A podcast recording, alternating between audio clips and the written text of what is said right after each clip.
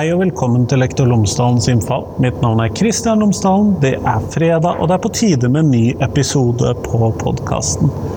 Denne ukens intervju er et spesielt et, både fordi at det skiller seg i form og innhold ganske mye fra mange, men det er også annerledes fordi at det er et intervju med meg. Og neste uke, eller den 22. november i hvert fall etter planen, så kommer boken min 'Burde vi det?' profesjonsfaglig etisk kompetanse i skolen ut på eh, Fagbokforlaget, som sponser denne podkasten. Eh, de to avtalene er separate, men eh, jeg har nå engang forlag som gir ut boken min, og som sponser podkasten min, så jeg er jo heldig sånn sett. Eh, I denne boken så er det nettopp disse vanskelige valgene mange av oss lærere som uh, står i, som er fokuset. Uh, og jeg prøver å skissere noen tanker, skape et rom for refleksjoner, og håper at det vil kunne være interessant for mange der ute, enten man er lærerstudent, eller i praksis, eller fersk lærer, eller eldre lærer. Og I denne episoden her så er det forlagsredaktør Halvard Åmli som intervjuer meg om min bok. Og jeg har jo blitt intervjuet før på denne podkasten, og jeg håper at du tilgir at, at, det skjer igjen. Jeg er i hvert fall veldig stolt av denne boken, og den ligger på burdevide.no og på fagbokflagget.no. Der finner du den. Men eh, nå skal du få høre meg bli intervjuet. Vær så god.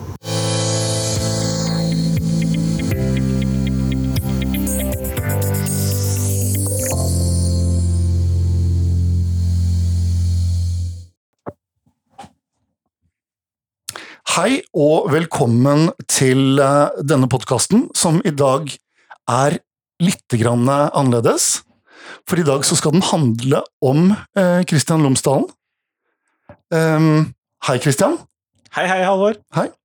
Eh, denne podkasten eh, din, den eh, pleier jo å starte med at du ber eh, intervjuobjektet eh, eh, si tre ting om seg selv. I dag er det du som skal få lov til å fortelle tre ting om deg selv. Ja, jeg må jo følge konseptet relativt lydig, jeg også. Det er klart. Eh, og da for å si tre ting om meg, og så husker jeg jo ikke hva jeg har sagt tidligere, selvfølgelig. Det er det jo ingen som er med på podkasten flere ganger som gjør. Men jeg er 38 eh, år gammel og førstegenerasjons bergenser, øh, pleier jeg å omtale meg som nå. Jeg tror jeg kommer til å stryke med her i byen, så det får være en del av pakka. Eh, jeg jobber som doktorgradsstipendiat ved Universitetet i Bergen, hvor jeg skriver om religion og skole. Og på fritiden så tilbringer jeg veldig mye av tiden i Human-Etisk Forbund. Men det som kanskje da får bli den tredje tingen, og nå har jeg jukset meg til mange ekstra ting her, er jo at jeg gir ut nå en bok på fagbokflagget som heter Burde vi det? Profesjonsfaglig etisk kompetanse i skolen, som har deg, Halvard, som eh, redaktør. Ja. Og Det er jo helt riktig, og derfor så har vi snudd litt på, uh, på, dette. Det er jeg som skal snakke med deg i dag. Uh, jeg som da uh, sier dette her, da, det er da Jeg er Halvard Åmli. Jeg er redaktør, forlagsredaktør i Fagbokforlaget. Fagbokforlaget Akademisk. Der har jeg vært i litt over åtte år. Eh, og så er jeg også så heldig eh, at mange av de bøkene som jeg eh, har jobbet med, og forhåpentligvis også mange av dem som jeg skal jobbe med, er så interessante at du har tatt deg tid til å snakke om dem tidligere. Så jeg har jo stor interesse av å uh, høre på, på podkasten din. og denne gangen, så når jeg skal høre på dette, så skal jeg høre på meg selv. Men nok om meg, eh, og mer om deg, Christian. Fortell. Um, hvorfor har du skrevet denne boka? Opprinnelig så hadde jeg jo tenkt til å få publisert den store boka om eh, fritaksretten. Mm. Eh, og så innså vel forlagene, deriblant deg, at det var det ikke marked for. Nei. Eh, og så drodlet vi jo litt om hva jeg faktisk kunne gjøre ut ifra denne bokideen. Og vi kom jo egentlig relativt fort inn på dette med etisk refleksjon i skolen som tema. og jeg brenner veldig Og det kan man kanskje se på en del av temaene som tas opp i podkasten også. Brenner veldig for at vi som lærere, vi som fremtidige lærere, hvordan man nå står i dette, skal tenke oss om i møte med elever, foresatte og kolleger, sånn at vi møter dem på en god og riktig måte i alle disse situasjonene som skolen består av. Mm. For skolen består jo av en lang, lang rekke situasjoner, og hvor vi må kanskje ha noe Vi må ha noe rammeverk for oss å kunne koble oss på, sørge for at vi automatiserer den refleksjonen som vi trenger å gjøre i selve skolehverdagen, mm. men også den refleksjonen vi skal gjøre når vi har litt bedre tid i fellestid sammen med kolleger og sånn. Men vi trenger et rammeverk for å tenke over disse tingene, og som kan være et litt sånn ikke konsekvent utgangspunkt for alle avgjørelser vi tar i skolen, men i hvert fall et sånn Kan gi noen retninger, da, sånn for at det skal være lettere også ha denne refleksjonen litt sånn innabords i skolehverdagen. Og det tror jeg var eh, Jeg tror nok det var en riktigere og bedre bok å skrive enn eh, det jeg opprinnelig hadde sett for meg. ja, ja, altså fra et, fra et forlagsståsted så eh, handlet jo dette da om eh, her eh, har vi en kunnskapsrik og interessant forfatter. En ung forfatter som vi har lyst til å jobbe med. Som eh, har lyst til å skrive om noe, og vi har lyst til at han skal skrive om dette, men vi har også lyst til at han skal skrive om en del andre ting. Så da handler det om å få han til å forstå at det er riktigere å, å gjøre det. Um, så riktigere ut ifra at da vil flere eh, lese det viktige budskapet som han har. Um, og det vil også være altså et, at han vil få et større nedslagsfelt. Uh, men når du har jobbet med, med boka, uh, Christian, for det er, mange, det er, veldig mange gode eksempler, mange viktige refleksjoner rundt dette med etikk. Um, hvor har du hentet stoffet fra, lurer jeg på? Altså er det, en, en del kommer åpenbart da, av erfaring, ting du har tenkt deg til, du har sikkert opplevd en del ting i skolen, du har lest deg, du har lest deg opp om etikk i forbindelse med doktorgradsarbeidet ditt. Du kan mye om dette, du jobber jo med fritaksretten, ikke sant. Hva, hvor, hvor, hvor henter du stoffet ditt fra? Hvis vi da skal ta det litt sånn mer sånn håndfast fordi at jeg prøver jo her i boken å skrive både om våre forutsetninger som lærere, og hva det skaper for oss i skolen. Mm. Og der er det jo et uh, langvarig arbeid nettopp med de makt- og- eller avmaktssituasjonene som lærere, foresatte og elever står i i skolen, mm. og de perspektivene som kommer inn der. Og jeg har eh, mange års erfaring fra arbeid med oppimot da, for å påvirke eh, samfunnet på godt og vondt, og jeg har stilt som stortingskandidat for et bitte, bitte, bitte, bitte, bitte lite politisk parti som hadde nettopp interseksjonalitet som en av sine eh, rammer, og den, det at vi lærere må være bevisst hvem vi er, og hvordan det påvirker skolehverdagen, mm.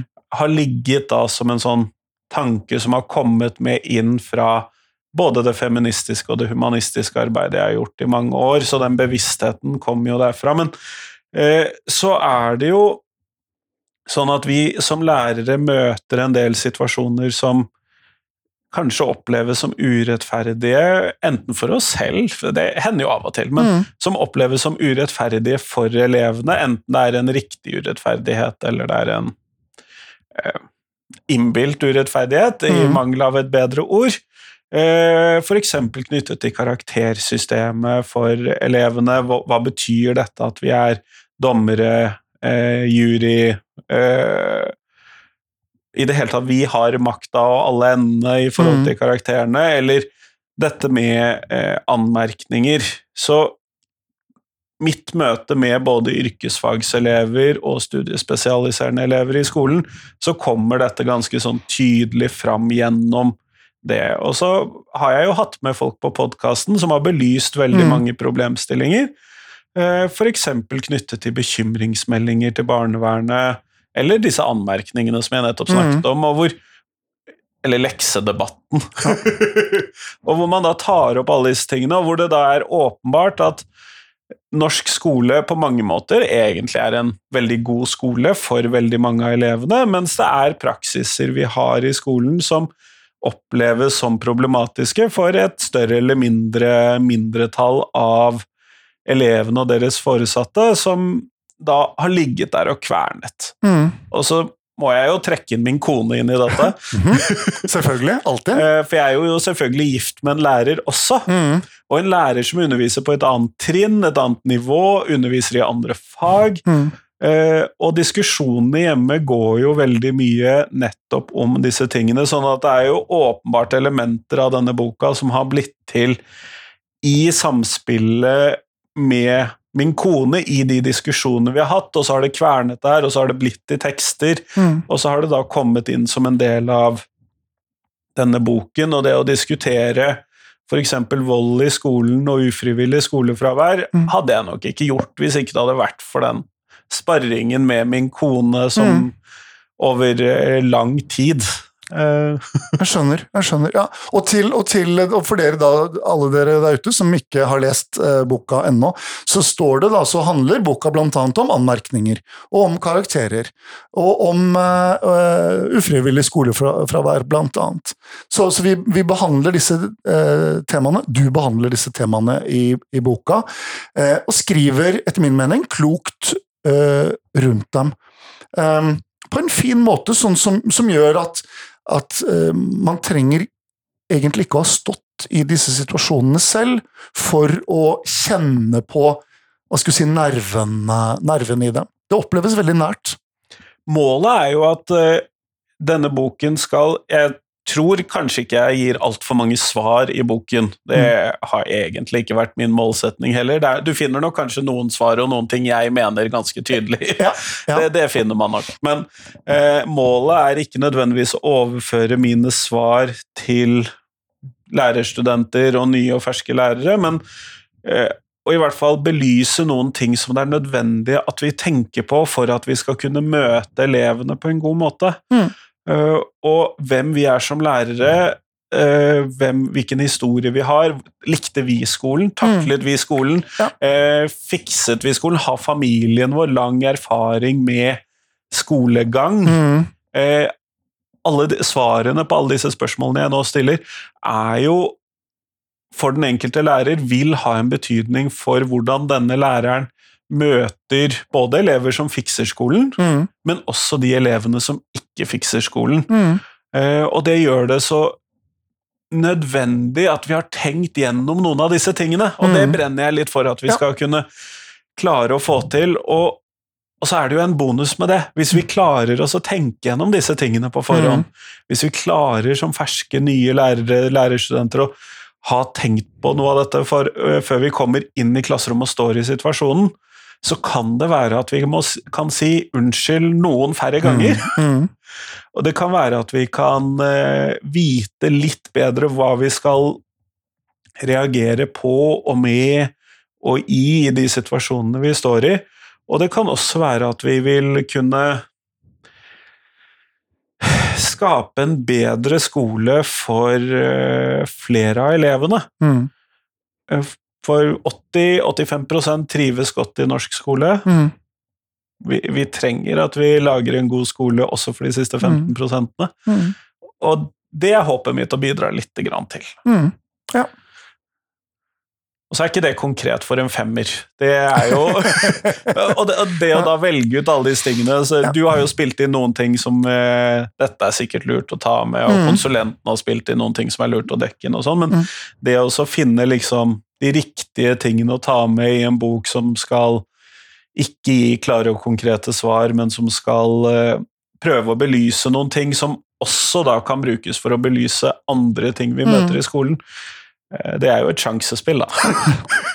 Det, som er, det som var interessant med, med prosessen uh, med boka, altså for, for, for mitt eget uh, for min eget ståsted, da, det var jo det at altså den, den, den vokste, boka vokste, vokste nok litt i omfang. Ut ifra hva jeg kanskje hadde tenkt, og muligens også håpet på. Men det jeg ser eh, sånn i, i retroperspektiv, var at du brakte inn såpass mange spennende momenter knytta til altså, refleksjoner rundt etiske problemstillinger, da jeg til syvende og sist syntes det var veldig vanskelig å skulle velge ut noen. Fordi at eh, alle sammen utgjorde en helhet. Kanskje kunne vi til og med hatt med enda flere. Jeg eh, tror jo det. Jeg har jo ja. funnet og kommet på noen som jeg burde ha tatt ja. med etterpå. Det. det. får eventuelt bli bok nummer to. Du, Kristian, eh, det, det, er sikkert det er mange som er opptatt av innholdet i boka, men det er sikkert også noen som er opptatt av denne altså tilblivelsen til boka, hvordan det er å være eh, forfatter. Eh, hvor lang tid har du brukt Eh, totalt. Altså, da tenker jeg både tida fra vi startet bokprosjektet og fram til, til nå, når boka straks er i, i salg, men, men, liksom innimellom, når har du fått tid til å skrive? Uh, jeg har pleid å si at dette er et sommerferieprosjekt. Mm. Uh, dette er en ekstra ting som uh, jeg har gjort ved siden av jobb. Men som jeg selvfølgelig har brukt mange av de tingene som jeg har jobbet med, og jeg har jo tenkt på ting i jobb, og som mm. da har kunnet overføres inn i prosjektet. Um, men hvis vi ser litt sånn stort på det, så har jo denne boken tatt nå to og et halvt år ish. Mm. Mm. Uh, og så var den jo ganske klar for ca. et halvt år siden, ja. og skulle jo gjennom ja. en hel masse prosesser i forlaget og sånn, men så mm. ca. to år. Mm. Uh, hvor jeg primært sett har jobbet gjennom to somre mm. med å få dette på plass. Mm. Um, og så skriver jo jeg litt i rykk og napp, og det har jo du merket at jeg Det har jeg merket! For dette skal jo puttes inn ved siden av som et hobbyprosjekt. Mm. Jeg kan jo litt misunne de som har bokskriving eller et bokprosjekt som arbeidsoppgaven mm. sin. Mm.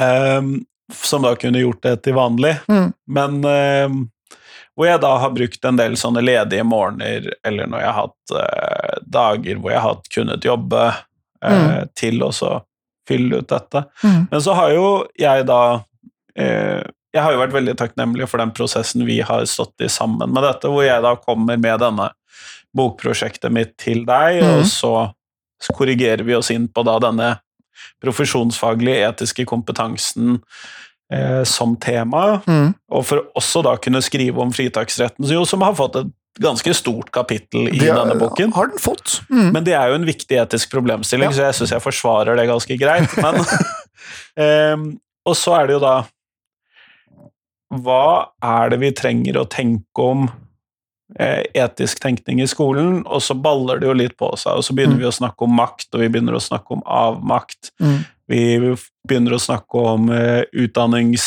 Uh, hva heter det? Lærerprofesjonens etiske plattform. Mm, mm. og hva innebærer det? Og ja. der er det jo et råd, og da må vi jo skrive litt om det. Og så har jo jeg gått og kvernet på en del sånne problemstillinger i skolen som jeg tenker at det er viktig at vi tenker om etisk. Og etter at vi da har hatt et møte, og så hva skal jeg fylle denne boken med, og så mm kommer jo jeg med forslag til en del overskrifter, og så snakker vi mer om de mm. eh, inn der.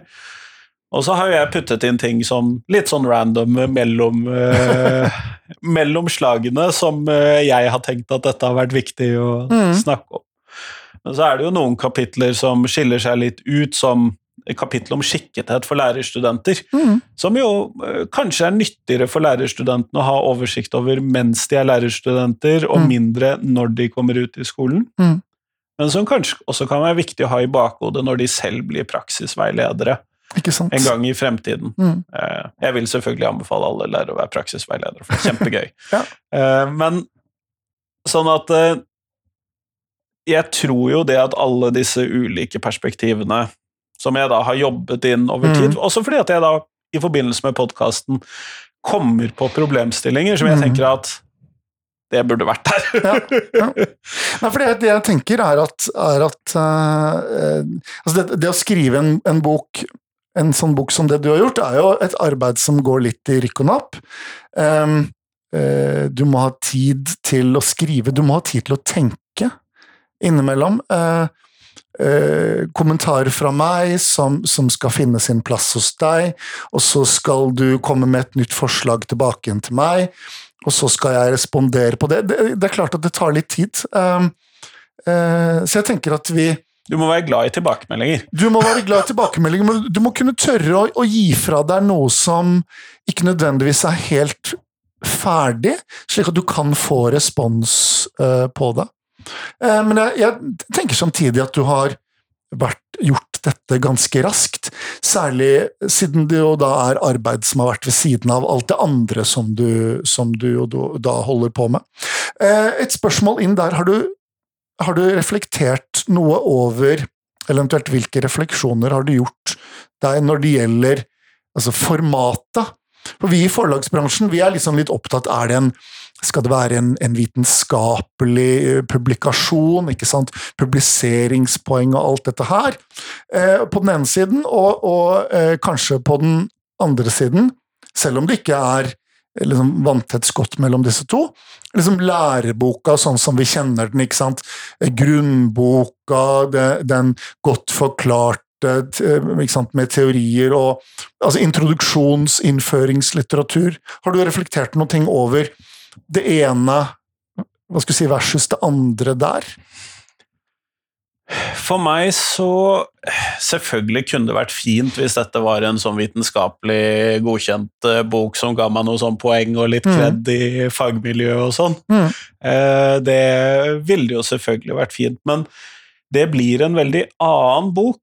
Mm. Og for min del så har det vært viktig at denne boka skal være hands on og praktisk, noe som man kan lese og forstå der og da, og som skal kunne bidra til refleksjon for en lærerstudent, for en fersk lærer, der hvor man er i den prosessen man selv står i, og hvor jeg ikke nødvendigvis skal komme med klare svar, men hvor jeg skal løfte en del problemstillinger og som man er nødt til å tenke over.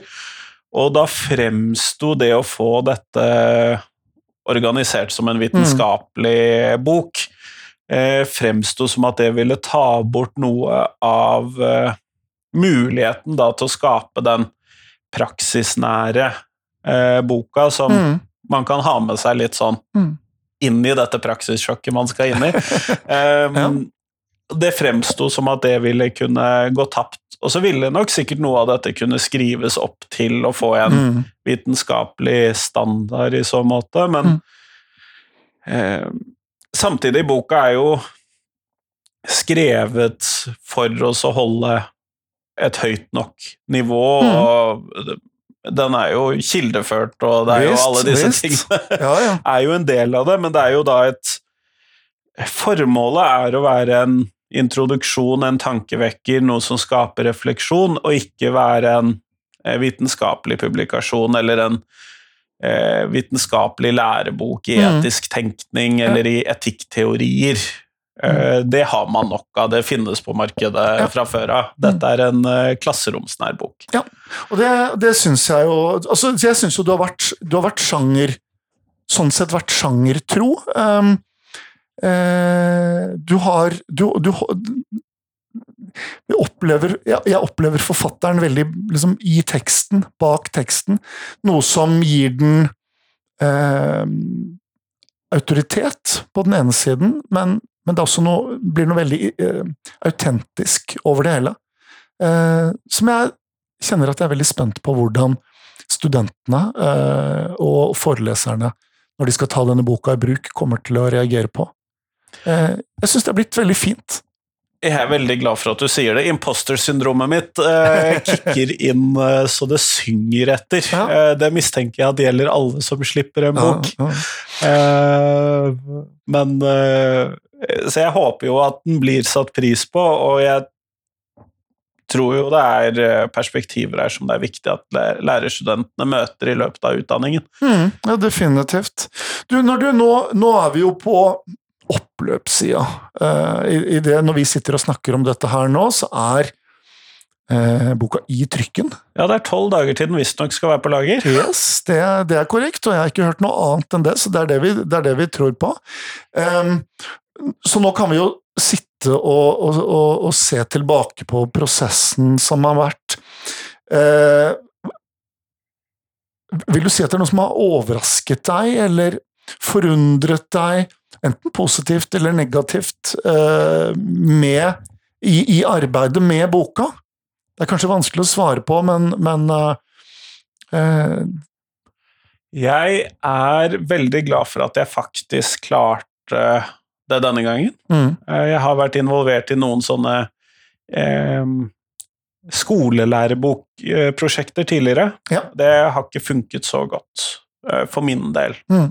Jeg syns det har vært gode prosjekter, men eh, jeg har ikke klart formatet. Jeg har ikke klart å gjøre den jobben. Um, så det å så klare det nå, det kan jo kanskje ha noe med modenhet å gjøre, eller at jeg eide prosjektet veldig Mm. mye mer enn jeg har gjort tidligere og sånn. Mm. Uh, men uh, samtidig så er jeg utrolig glad for hvor Ikke lett, det blir feil, men uh, hvor håndterbart Mm. Eh, prosjektet har vært. Mm. Eh, og så har jeg jo måttet eh, Hadde jo en fullstendig overambisiøs plan om å bli ferdig etter bare én sommer. Mm. Eh, men det gikk jo ikke, så det tok to somre. Mm.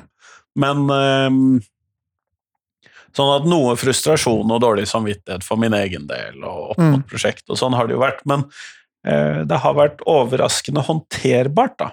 Eh, og det tror jeg jo gjør at kanskje flere også kan få ut den læreboka eller den fagboka eller Mm. den vitenskapelige eh, boka som de ønsker å få ut, tror jeg jo at eh, flere kan få til.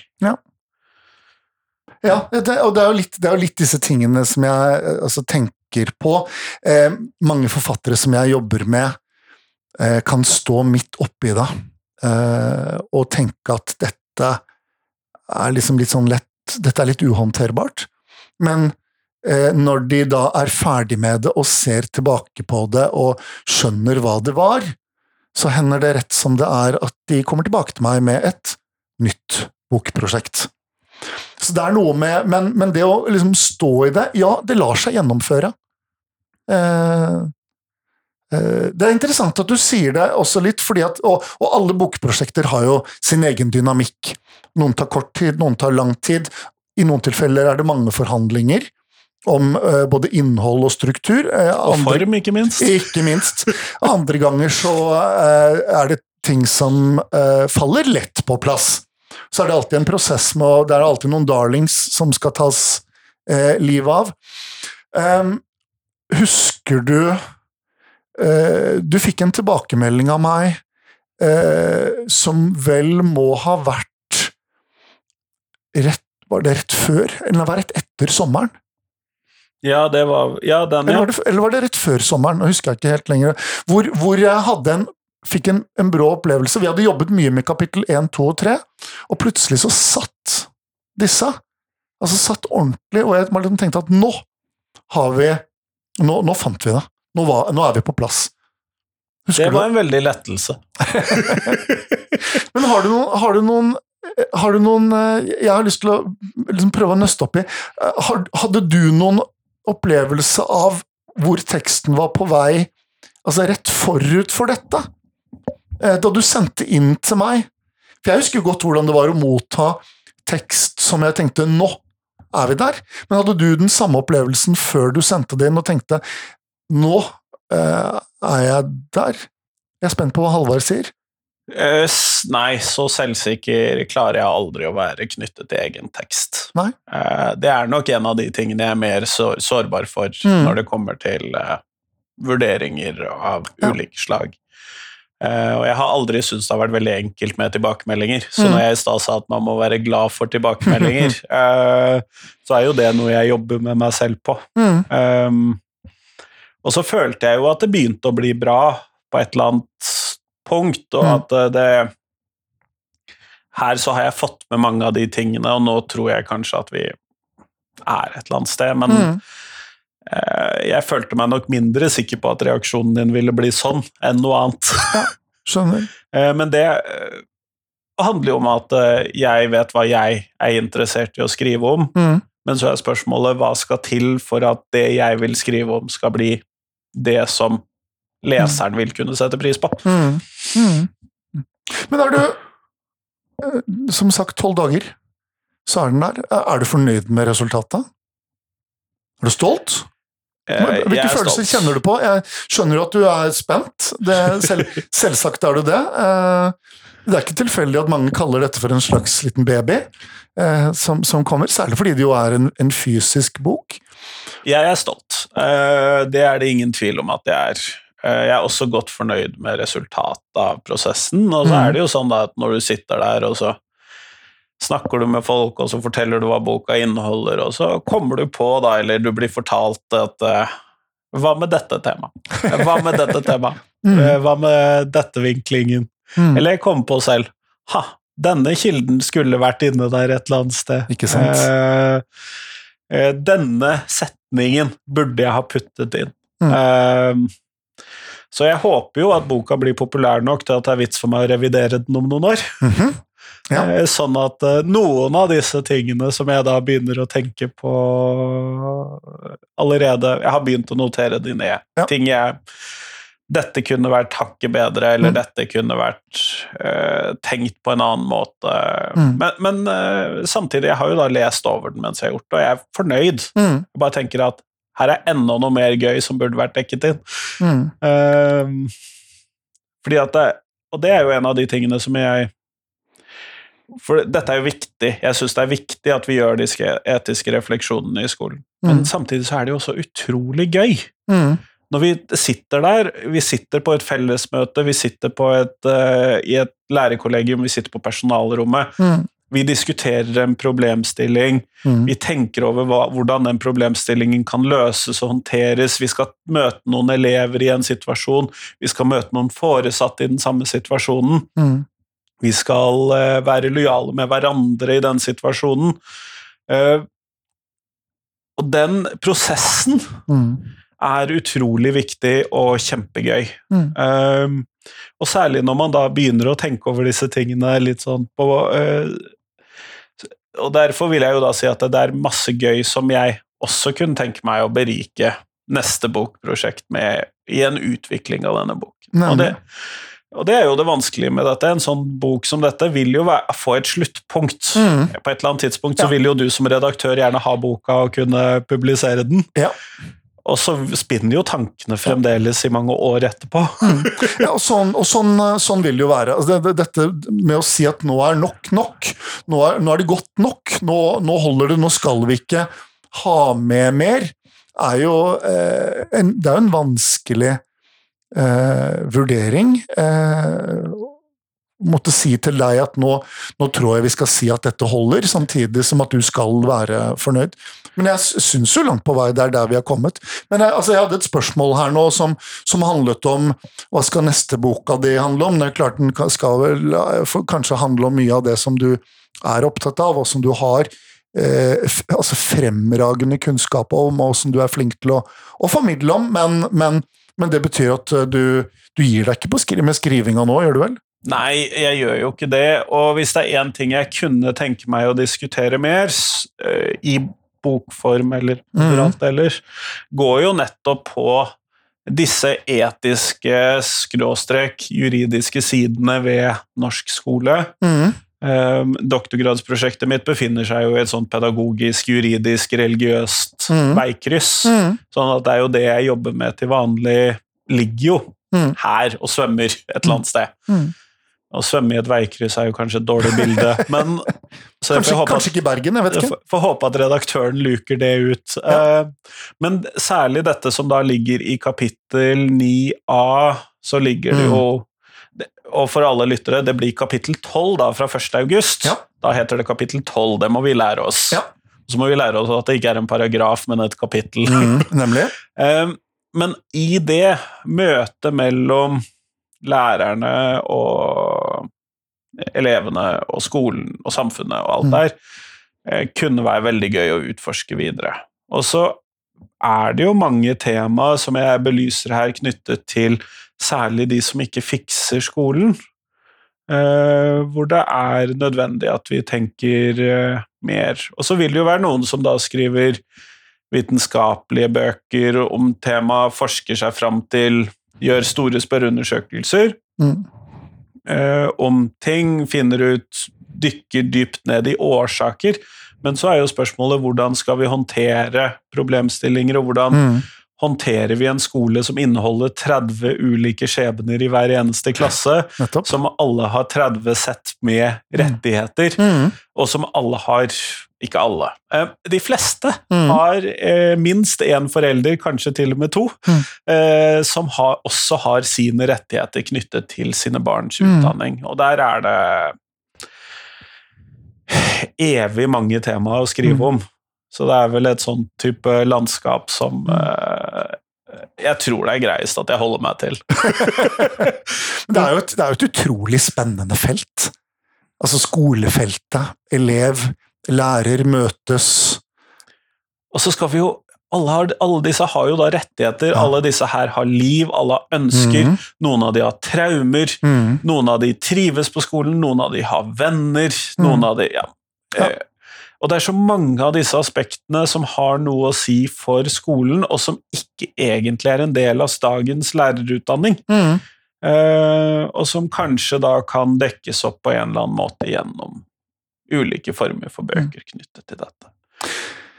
En av mine målestokker eh, når jeg jobber med bøker, eh, det er at eh, jeg skal, når jeg leser teksten, få lyst til å bli eh, grunnskolelærerstudent. Det, eh, jeg skal tenke at åh, nå fikk jeg jammen meg lyst til å eh, lære mer og være ute i klasserommet, og den testen syns jeg du har bestått. Tusen takk for det. Mm. Du, vi skal eh, veldig straks uh, avslutte, da, uh, men da er det jo et spørsmål som til slutt, som du pleier å stille, uh, og som jeg skal få lov til å stille. Eller spørsmål og spørsmål. Fortell om en lærer som inspirerte deg. Og jeg har jo svart på dette spørsmålet i hvert fall én gang før, og da hadde jeg én lærer som jeg valgte å trekke fram, og nå skal jeg trekke fram en av hans kolleger. eh, og det er eh, Bob Steinarsson, som vi hadde som eh, lærer i markedsføring på Oslo Handelsgymnasium den gangen jeg gikk der, Mhm. eh, og som eh, hadde en veldig praksisnært praksisnær ut til markedsføringsfaget. Um, måte å legge opp undervisningen på, og til å tenke på, og som også brukte en del tid på å komme med digresjoner Mm. som Jeg skal ikke si at de alltid var faglig eh, tett på det vi holdt på med, men stort sett så hadde de en tydelig betydning for eh, det vi skulle jobbe med. Bare vi elevene fikk tenkt oss litt om. Mm. Um, og det møtet med eh, markedsføringsfaget og det å kunne selge ting, snakke om ting, jobbe med ting, eh, avdekke hva som det fins et behov for, Mm. eh, og som samtidig da var levende interessert i oss elevene. Og som vi alltid visste vi ville finne med en fiskestang når vi på gikk på skoletur. Um, så så eh, Bob har vært en inspirasjon som lærer for eh, meg. Jeg håper vi Bob Tror du Bob hører på? Det vet jeg ikke, Nei. men eh, det er jo fint å finne ut. Ja, hvis, hvis Bob hører på nå, så sier vi hei, Bob. Hei, Bob. Eh, har jeg glemt noen ting da, eh, Christian? Eller har jeg, liksom, har jeg spurt om det du, det, det du ville ha spurt om hvis du hadde sittet i min stol nå? Det vet jeg ikke, fordi at jeg stiller jeg, Hvis folk ikke har merket det, så har jeg et veldig intuitiv inngang til hvordan podkastepisodene mine blir. Ja. Men jeg vil bare si det at man finner jo selvfølgelig denne boka på Fagbokforlaget sine nettsider, men man finner den også på burdevide.no, som er Mhm. min egen side for min bok. Mm -hmm. Så det syns jeg jo at folk skal titte på. Jeg, jeg liker jo å lage nettsider for ting. Tusen takk, Halvard, for at du intervjuet meg i dag. Tusen takk, Christian, for at jeg fikk lov til å intervjue deg.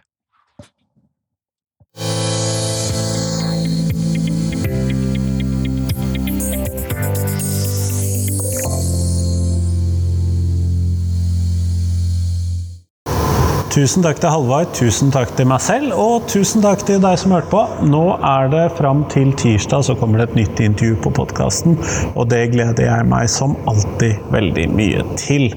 Og så er det selvfølgelig neste fredag, så kommer det en reprise på podkasten, med mindre noe skjer. Jeg har et håp om noen dagsaktuelle intervjuer fremover, sånn at det er mulig at det kommer inn på en fredag. Og da dytter jeg bare på reprisen som jeg har planlagt allerede.